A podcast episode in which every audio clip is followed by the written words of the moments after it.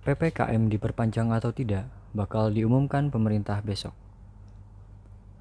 Pemberlakuan pembatasan kegiatan masyarakat atau PPKM akan kembali diumumkan apakah akan diperpanjang atau dilonggarkan oleh pemerintah pada Senin 9 Agustus 2021 besok.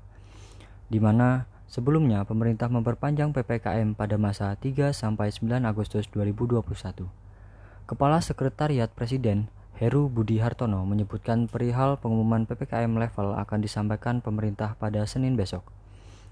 Kan masih besok sampai tanggal 9 bisa besok sore diumumkan.